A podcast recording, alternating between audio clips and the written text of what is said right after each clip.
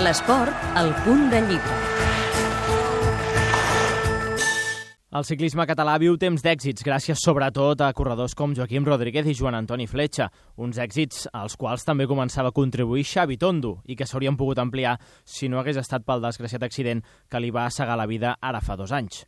El periodista i escriptor Rafael Vallbona estava fent un llibre sobre el centenari de la Volta a Catalunya quan el ciclista de Valls va morir en un desgraciat accident domèstic.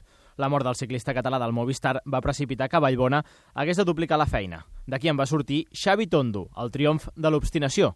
Tot plegat ho explica l'autor. Aquest llibre, en certa manera, seria una seqüela, no?, que en diuen a la televisió, perquè quan estaven llestint el llibre del centenari de la Volta, que és un llibre de 400 pàgines, 300 i pico fotos, i sí, una feinada uh -huh. eh, considerable, eh, el Xavi Tondo va tenir el desgraciat accident, recordareu, la porta mm, del garatge sí. eh, i el cotxe automàtic el van atrapar. Aquella tarda vaig trucant en Jordi Ferrer, l'editor de Cossetània, a l'Ensems també ciclista, sí. uh -huh. i, i vam coincidir allò a la fama amb les ganes de menjar, no?, que es diu, ostres, ja que estàs ara amb aquesta... en la pomada, vegada t'hi podries posar. I Vallbona s'hi va posar per narrar els avatars de la vida del ciclista de Valls. Això vol dir el seu camí cap a l'èxit, la seva personalitat alegre, els seus moments de glòria i la seva carrera incompleta, que a grans trets són l'eix vertebrador amb què el periodista i escriptor construeix el triomf de l'obstinació.